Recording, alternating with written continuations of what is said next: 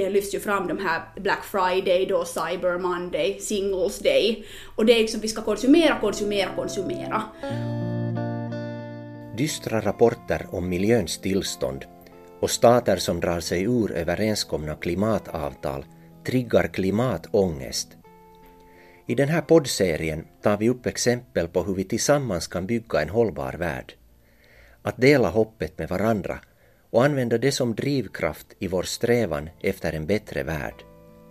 Välkommen till Ekofasta-podden. Vi finns på webbsajten ekofasta.fi. Hållbar konsumtion är temat för det sista avsnittet av Ekofasta-podden. Jag heter Jessica Suni och som studiogäst har jag Martaförbundets ekonomirådgivare Mia-Maja Vägar. I november körde vi ju på Martaförbundet en köpfri novemberkampanj där vi uppmanade folk till att börja fundera på sin konsumtion och, och minska på den under en månads tid. Och här var ju kanske meningen den att, att vi skulle få folk att tänka på hurdana konsumenter vi på riktigt är och vad vi värderar i vår konsumtion.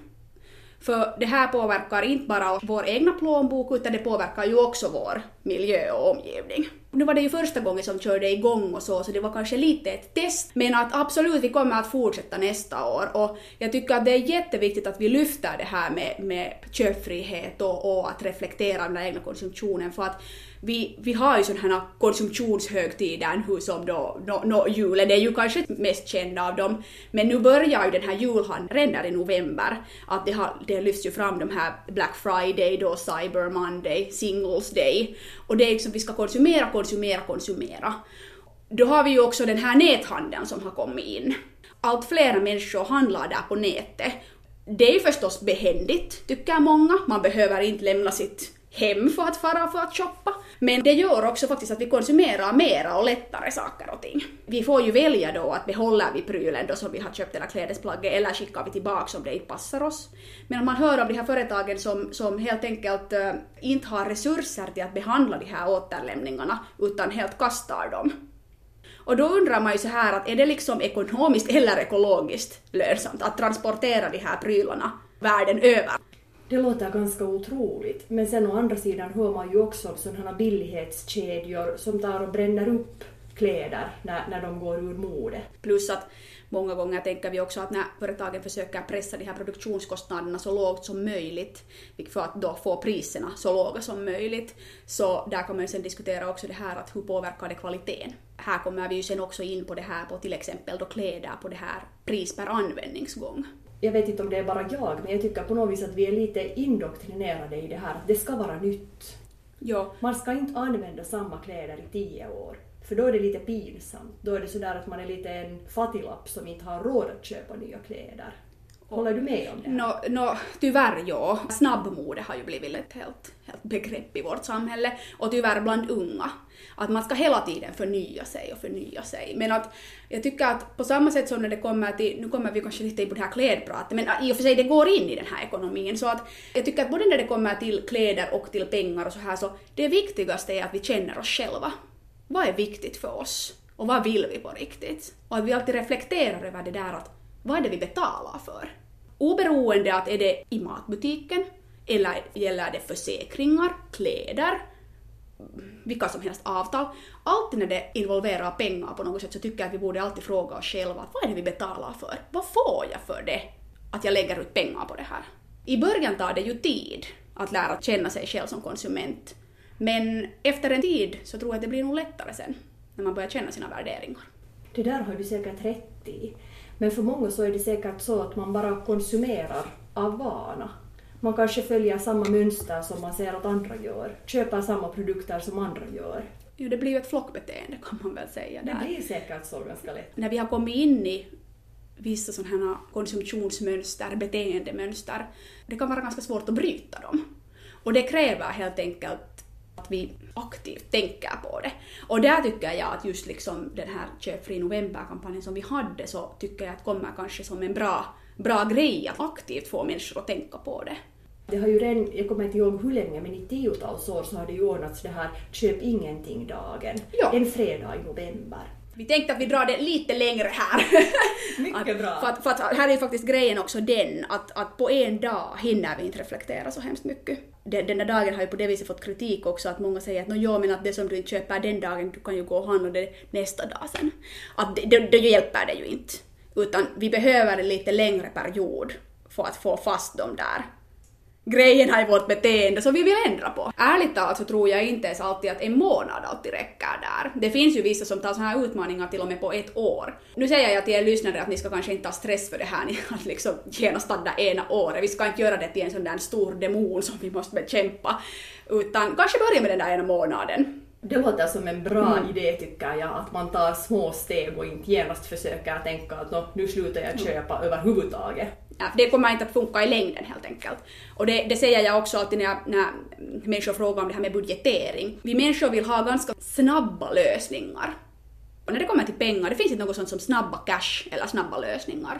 Utan det handlar om liksom nog saker som vi måste ändra på längre sikt. Lätt blir det så att om vi gör snabbt upp en budget så blir den orealistisk.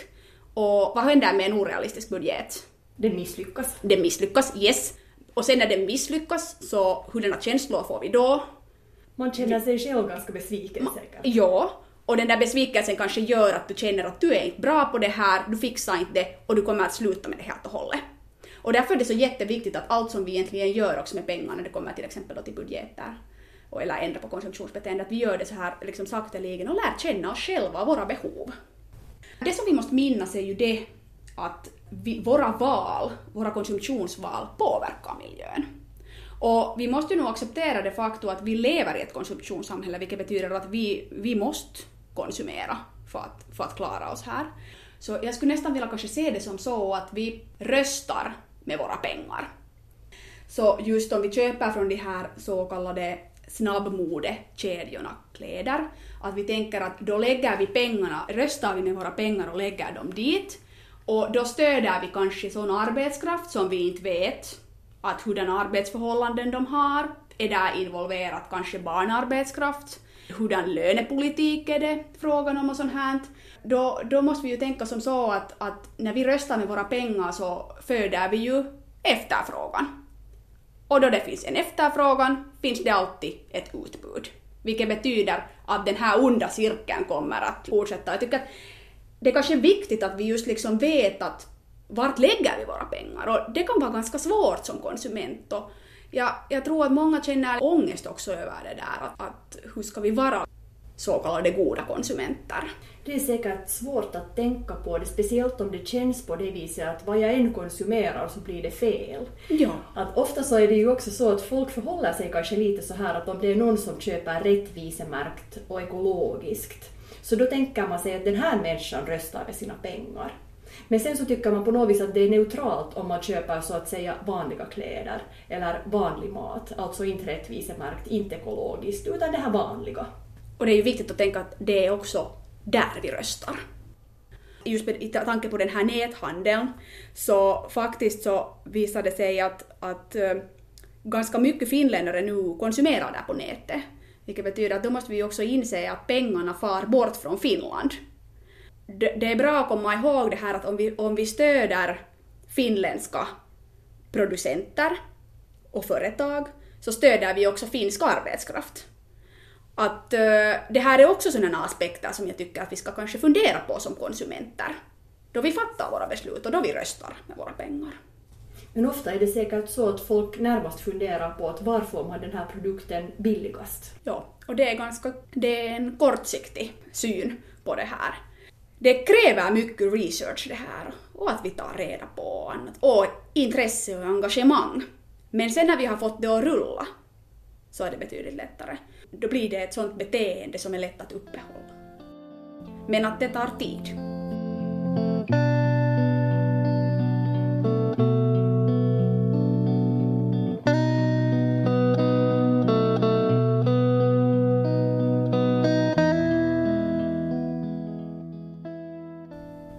måste vi ju liksom definiera de här utmaningarna, både i vår egna konsumtion och också liksom i vår omgivning. Och de måste bli så pass verkliga för oss och så pass betydande för oss att vi faktiskt är färdiga att lägga tid och energi på att göra en ändring. Och nu om vi hoppar från till exempel nu då kläder till mat. Det konkretaste tycker jag att göra den här ändringen är att, att börja samla på kvitton. Lyssna nästa gång när du står i kön. Hur många är det som säger ei kuittia kiitos, nej jag tar inte kvitto. Jag samlar själv på kvitton, men jag får själv också fast mig själv för det att jag är sådär att ah, i all hast att nej, nej, jag tar inte kvitto. Och många tänker att de tar plats där i plånboken, men, men grejen är att man ska inte ta de där kvittona för att de ska ta plats där i plånboken, utan för att man ska gå igenom dem där hemma. För de där kvittona visar svart på vitt vad vi har konsumerat. Här är det många som alltid säger att no, jo, men man ser ju nu för tiden så bra på nätbanken och på kontoutdrag och annat sånt här, var man har shoppat och så här. Men det berättar ju ingenting om vad du köpte där i butiken. Nej, man ser bara summor. Så där, där säger jag nog att, att det här gamla goda, att samla på kvitton och, och gå igenom dem, så det funkar ganska bra i att komma igång. Och också som en ögonöppnare.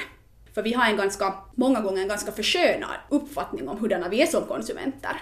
Jag skulle utmana er alla lyssnare att börja samla på de där kvittona och det där sen efter en månad kolla att ja, hur såg det ut? Helt sådana konkreta tips till alla som handlar, så planera alltid att när ni, när ni gör upp den där budgeten för veckan så gör också upp en sån här lista på att vad är det som ska ätas i ert hushåll under veckan och utgående från det då en inköpslista. Och handla alltid med inköpslista för att när vi far dit till butiken bara så att ja, nu ska jag låta mig inspireras så tyvärr blir vi ofta så inspirerade att vi tar med oss sånt som vi kanske inte skulle annars ha tagit med. Plus att det att om vi handlar med tom mage så visar forskning faktiskt att vi, vi konsumerar mera också då. För vi får alla världens ha-begär där i butiken. Så att ät alltid lite mellanmål före ni handlar. Så det är nog kanske det, det där planerande, när det kommer till alla livsområden egentligen. Budget, mat, butik, men också att vi planerar vår garderob. Att man frågar sig själv när man köper varje plagg sådär att vad har, den här, vad har det här plagget för funktion i min garderob?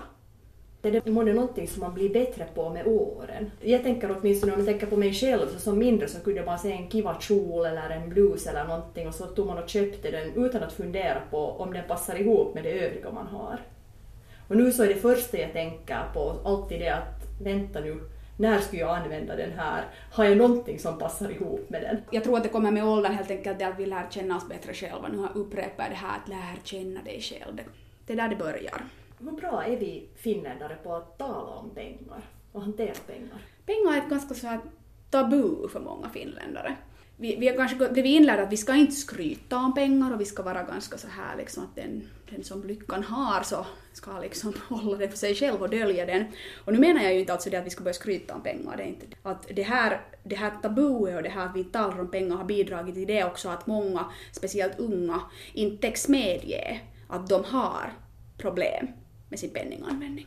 Det här leder sen i längden till det att när vi inte pratar om det och inte vågar vara riktigt ens ärliga till oss själva, att vi kan ha de där problemen, så leder det till att de där ekonomiska problemen blir ännu större. Och det här syns helt enkelt också i det att betalningsstörningarna har ökat grymt under åren. Och under sommaren så mättes faktiskt liksom högsta talen någonsin i Finland. Så att det, är liksom, det är en utmaning, absolut. Och det är ju främst faktiskt unga vuxna som har det här. Och det är ju mycket skam kopplat till det. Ja, det är skam och skuldkänslor och stolthet. Att man helt enkelt är för stolt för att medge. Och det här stoltheten kanske kommer där just att om kompisarna sådär att hej, nu får vi på bio, så är, är, du liksom för stolt för att medge att hej, jag har inte nu pengar till det. Och det här kommer ju in det här sen igen att det har blivit så jättelätt att få så här mindre lån nu för tiden. Och, och vi har ju kreditkort och, och, och sen de här snabblånen som har diskuterats ganska mycket. Sen när du liksom märker att, att du inte har de här pengarna så börjar du skuldsätta dig. Och då, då kommer vi ju in i en, en ond spiral som tyvärr kan pågå i flera år före vi kommer till den punkten att du inte mera klarar dig och då kommer den här betalningsstörningen.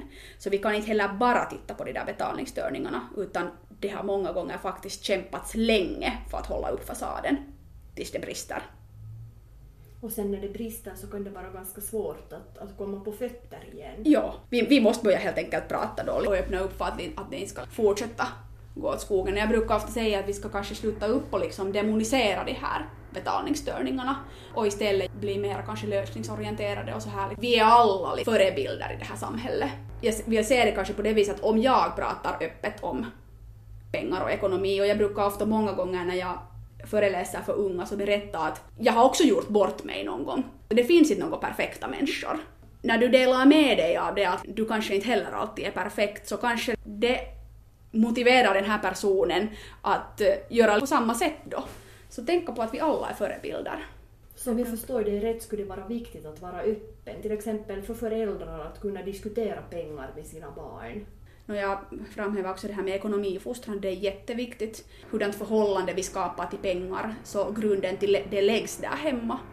Och att föräldrarna faktiskt skulle inse att, att, att de måste reflektera över det egna förhållningssättet till pengar när de får barn helt enkelt. Det går oftast i arv och ofta är det så att de här eh, ekonomiska utmaningarna så kan fortsätta liksom då med kommande generationer. Och det där hjälpa barnet att skapa ett naturligt förhållande till pengar. Och det betyder inte att man kastar pengar på det, inte under några omständigheter, utan jag menar kanske det att vi lär barnet att reflektera själv, vi lär barnet att spara. Så här, prata i en positiv ton om räkningar. Det är också viktigt för att det, man har jätteofta när människor säger att ja, igen kommer det räkningar och det betyder bara att pengarna bara flyger från konto. Men att istället se det från det andra hållet att, att du får ju faktiskt något för de där pengarna som du betalar. Eller hur? Att tänka på åt det hållet kanske på det. Jo, för ofta låter det ju som att räkningen är någon slags straff. Ja, sen om vi snackar om sådana räkningar som böter och sånt här, så kommer det kanske är onödigt liksom och då kanske vi måste fundera sig på annat sätt att hur vi ska ändra på vårt beteende, att vi ska få sådana. Men att de här liksom räkningarna, räkningarna, ja, elräkningar, telefonräkningar, sånt här så. Se det som en positiv sak, det hjälper er i er vardag.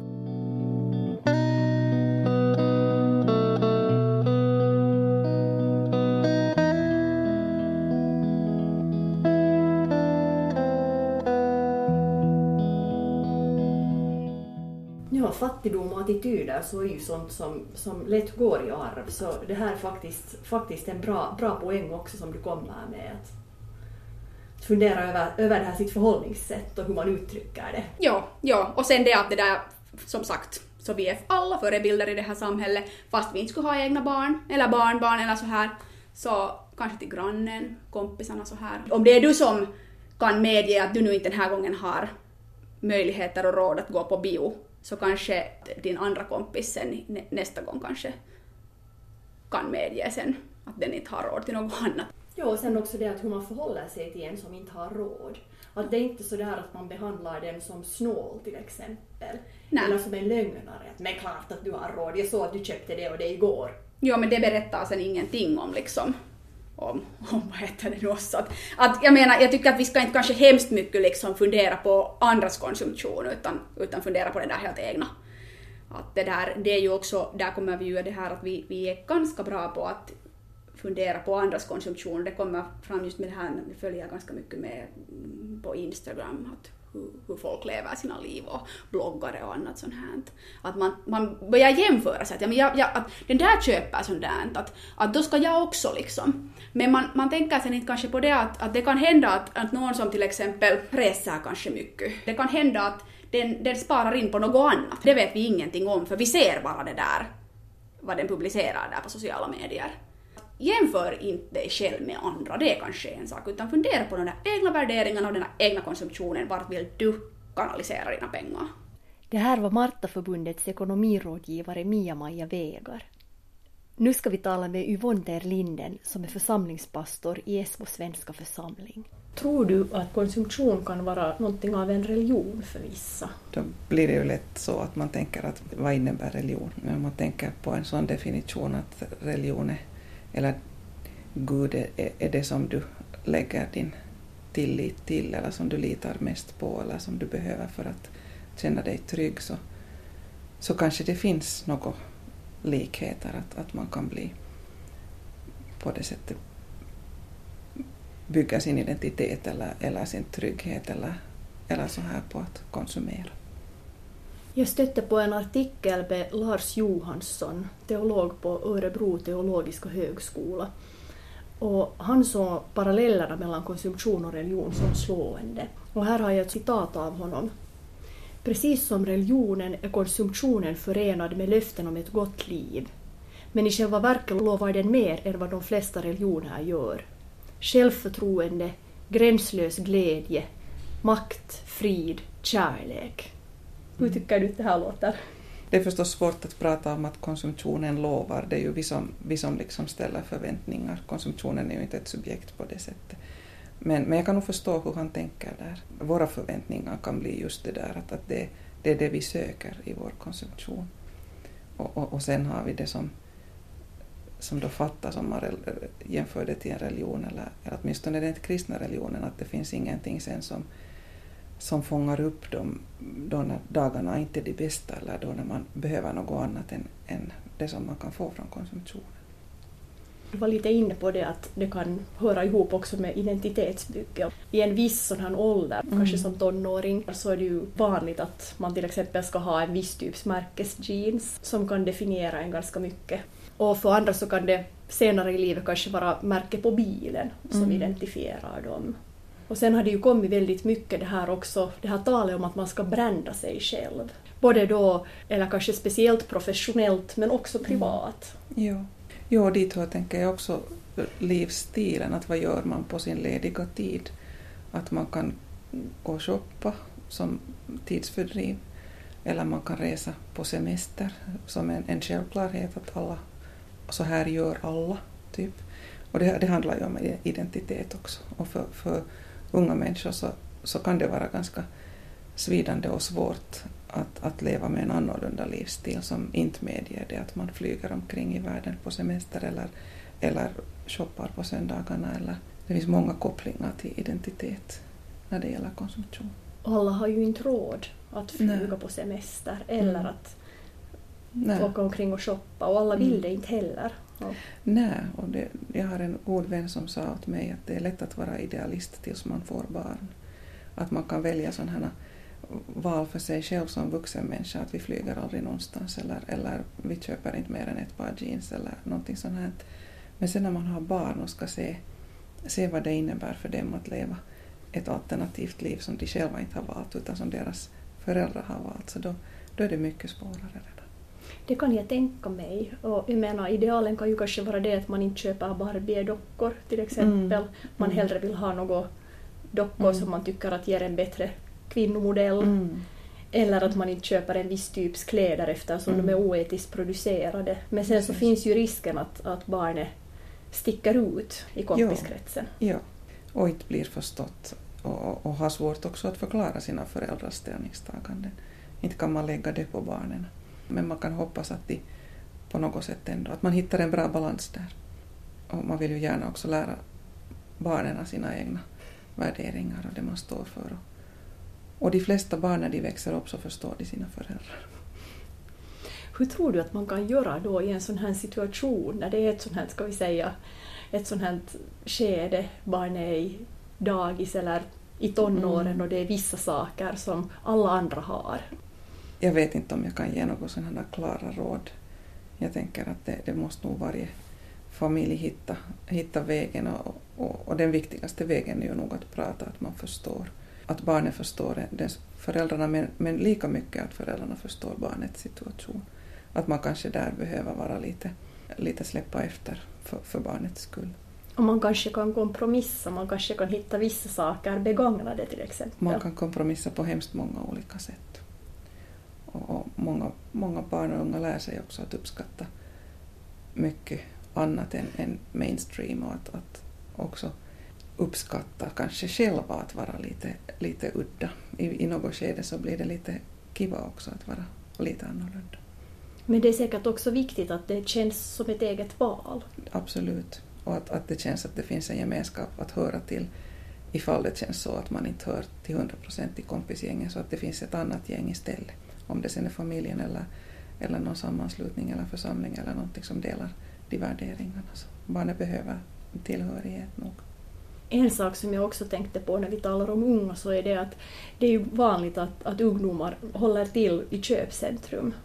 Att till och med sådana i lågstadieåldern så, så har vi börjat mer och mer tillbringa tid på sådana ställen. Ja, och där skulle det vara viktigt att vi skulle få andra vardagsrum också som är gemensamma. Jag tänker på flera ställen så finns det också bibliotek som är lite på samma sätt, att man kan vara där och umgås utan att ha det där köptvång över sig eller att vara i den där köp och shoppingmiljön utan, utan som öppnar andra andra fönster istället och andra impulser. Jo, det är säkert viktigt att det finns av den här typens utrymmen. Och just för barn och unga så finns det ju en del, man tänker på ungdomsgårdar och sånt här. Mm. Men kanske inte ändå tillräckligt och det beror säkert väldigt mycket på var man bor också. Det gör det absolut, ja. ja. Men där tänker jag just att vi ska också kunna visa att, att konsumtion är inte allt. Att, att det ska finnas alternativ till det. Det pratas ju mycket om ekonomisk tillväxt och om hur viktigt det är. Och man brukar också lite skuldbelägga personer som är dåliga konsumenter. Ja. Och ibland så får man en känsla av att den, här, eller den ekonomiska tillväxten så presenteras som en räddning. Lite som den skulle erbjuda någon slags frälsning. Hur kan man som kristen på ett sunt sätt förhålla sig till den här ekonomiska tillväxten? Det är nog en jättesvår fråga. Jag är ju inte ekonom, så jag kan inte ta ställning till det där, att är det sant att vi hela tiden måste ha en, en, en ekonomi som växer. Jag är lite skeptisk till den tanken, men, men som sagt så har jag ingenting som jag kan, jag kan inte argumentera för det. Själv så tar jag mig nog rätten att, att välja själv vad jag konsumerar, hur mycket jag konsumerar på basen av vad jag behöver och inte på basen av att rädda en ekonomi. Men det är nog med, med respekt som jag säger det, att det kan hända att det är helt fel inställning att jag liksom gör det sämre för, för andra människor därför. Men jag drömmer ju om ett, en, ett, ett samhälle som, som inte skulle måste hänga på det där att vi ska hela tiden konsumera för att, för att på något sätt hålla hjulet rullande. Och i mitt huvud, jag vet inte hur jag skulle få det att gå ihop, att vi, vi liksom hela tiden ska, ekonomin ska hela tiden växa och vi lever på en, en planet med begränsade resurser jag kan inte låta mig ledas av, av en sån här tanke utan jag måste låta mig ledas av de, de värderingar som jag tror på. I koppling till kristendomen så funderar jag också på det här att Jesus så talar en hel del om pengar mm. och ganska mm. kritiskt också. Mm. Men i dagens läge så har ju till exempel julen blivit ganska mycket av en konsumtionshögtid. Det har det, ja. Det är säkert motstridigt för många. Nog. Vi får försöka lyfta fram det ännu mer och ännu tydligare, de andra, andra aspekterna av, av julen. Att, att, och, och, att det handlar om det där givande och inte det där konsumerande. Att, att ge gåvor och, och få gåvor, kunna ta emot gåvor, det är en bra sak att öva. Det är inte något fel i att vi ger julklappar till varandra eller sådär. Men att, att, att hitta någon slags rimligt mått på det där mm, gåvorna och, och att ge kloka gåvor. Det finns ju de här fina initiativen att ge annorlunda gåvor som, som bland annat Kyrkans utlandshjälp har, som jag tycker att är jättebra. Där man får skänka, skänka någonting som gör gott någon annanstans i världen till, till människor som kanske redan har allt. Klart man skulle kunna tala om sådana alternativa sätt, sam, samägande och, och sånt att de här nya tankarna om att äga bilar tillsammans eller äga, jag tänker på, på villaområden där man kunde äga vissa trädgårdsredskap tillsammans eller så här. Och, och det här som börjar komma i storstäderna också, att man bygger höghus på det sättet att det finns gemensamma utrymmen. Det är ju sånt som gör att, att det är lite lättare att, att inte konsumera för mycket eller att, att alla har varje apparat stående i, i hörnen utan, utan att man kan lite dela på det där. Och förr så fanns det ju tvättstugor. Det var mm. ganska få som hade egna tvättmaskiner mm. och så här. Ja. Och jag tycker det är lite synd att man har kommit bort från det där. Att mm. det nu på många ställen är så att det inte finns tvättstugor. Mm. Ja. Vi får vara kreativa bara och försöka hitta lösningar som, som det där är bättre. Det tror jag att det är viktigt. Att, att vi tänker vilt och utanför out of the box. En sak i koppling till det här som jag också kom på så är det att jag vet inte hur ekologiskt det här är, men att det har ju blivit vanligare med att folk inte äger fritidsbostäder utan att man mm. kanske har en aktie. Mm. Att det är så att man äger två veckor någonstans. Mm. Och det är många som använder samma fritidsbostad. Ja. Och det är förstås en ekonomisk lösning men det är ju mm. också mycket mer ekologiskt än att alla de här personerna skulle ha en mm. egen stuga. Absolut, ja. Där, I dem är det ju ofta kopplat till, till ett resande, att, att de där aktierna finns liksom långt borta. Men, men det finns ju ingenting som säger att man inte skulle kunna ha motsvarande system på ett, på ett, liksom, på ett närmare håll, som sommarstugor i skären eller, eller så här. Absolut, det är en bra idé. Och kanske också det att om man skulle öppna för det att ska vi säga att om det är en familj som har en sommarstuga som har gått till släkten Mm. och man tillbringar en månad där om Mm. året så kanske man kunde låta andra använda den också. Absolut, ja. Vi var redan lite inne på det här men jag funderar ännu på att hur en sån här sund balansgång skulle se ut. Jag menar i viss mån så är man ju ändå tvungen att konsumera. Mm. All konsumtion så är ju inte av ondo. Jo, jag tänker så här att, att en sak som man kan tänka på är det där att vad behöver man på riktigt? Och det är ju förstås också en evig fråga att vad är ett behov och vad är bara en vilja eller en önskan, ett önskemål. Men att tänka igenom det där att vad behöver jag på riktigt och, och sen det där att när man köper någonting så att man då satsar på, på sådana varor som är kvalitativa, som håller länge och gärna som också är producerade på ett både miljövänligt och, och rättvist sätt. Att man på något sätt gör så lite skada som möjligt genom sin konsumtion och, och understöder så mycket gott som möjligt genom sin konsumtion. För att kläder behöver vi och mat behöver vi och, och mycket annat behöver vi också som är grundläggande saker. Och sen tycker jag inte heller att man ska, man ska bli man ska tappa glädjen på något sätt. Man ska också få vara glad över nya saker och man ska få vara glad över vackra saker. Och, och, och så här att det, det får inte bli en sån här trist och tråkig tillvaro där vi blir blinda för det vackra eller, eller för njutning eller någonting sånt där. Vi behöver det också. Folks behov skiljer sig också säkert ganska mycket från varann. Det har Mm. väldigt mycket med kontext att göra. Vi har någon gång läst sådana studier om fattigdom bland barnfamiljer i Finland. Och jag har förstått att det mått man går enligt så är vad den här normen är, eller ska vi Mm. säga det här genomsnittet är. Mm. Till exempel att om det är så att man i Finland i genomsnitt äter fem måltider per dag, så då, då är det det man går enligt. Att då Mm. borde alla barn ha möjlighet Mm. att äta fem måltider. Och det här är säkert det är väldigt kontextbundet. Det är det, ja. ja.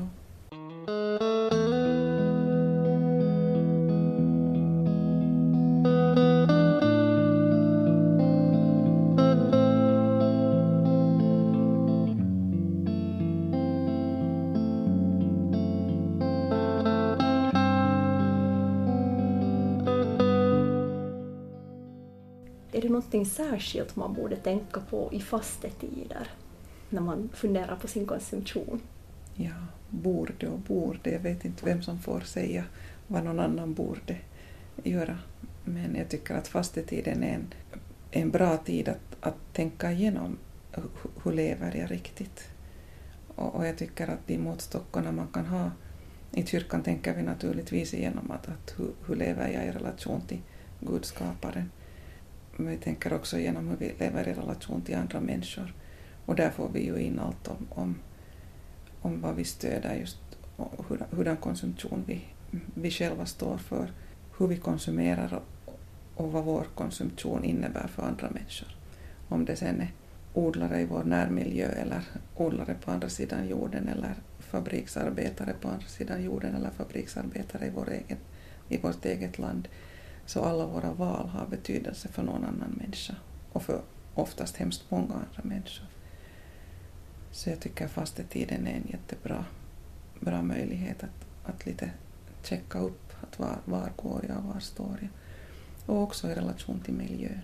Att vi där tänker att, att, att är, min, är mitt sätt att leva hållbart i tanke på, med tanke på den omgivning som jag lever i. Vad, vad betyder det för, för miljön, hur jag lever? I, i kyrkan fastar vi ju lite med den där tanken att, att Jesus uppmanar oss att omvända oss och, och göra bättring för att himmelriket är nära. Och det är liksom den där tiden, tiden för omvändelse är nu under fastetiden. Då vi får checka upp att hur, hur lever jag och, och korrigera. Det har vi alla möjligheter till nu. Så fastetiden är med andra ord en väldigt bra tidpunkt för särskild eftertanke. Jag tycker det är det. Det gör oss också ödmjuka inför, inför påsken på det sättet att vi, vi förstår händelsen, påskens händelser kanske ur ett annat perspektiv när vi får syn på att det finns faktiskt ett och annat som är lite skevt i mitt liv. Så då, då, då är man liksom mera öppen för, för påskens budskap också.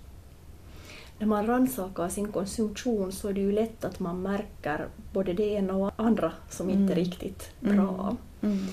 hur ska man göra för att inte här bli helt desperat och tänka att oj nej, jag är en så dålig människa, att hur kan jag förändra mig? Det är en viktig fråga. För det är ju inte meningen att vi ska knäckas under, under dåligt samvete. Fast det är ett faktum att vi, de flesta av oss säkert har anledning att ha lite dåligt samvete. Själv brukar jag tänka så där att ingen människa kan hjälpa hela världen men alla kan göra någonting. Ingen människa kan förändra allting men alla kan göra någonting. Och att varje steg i rätt riktning, fast det är hur litet, så är det i rätt riktning.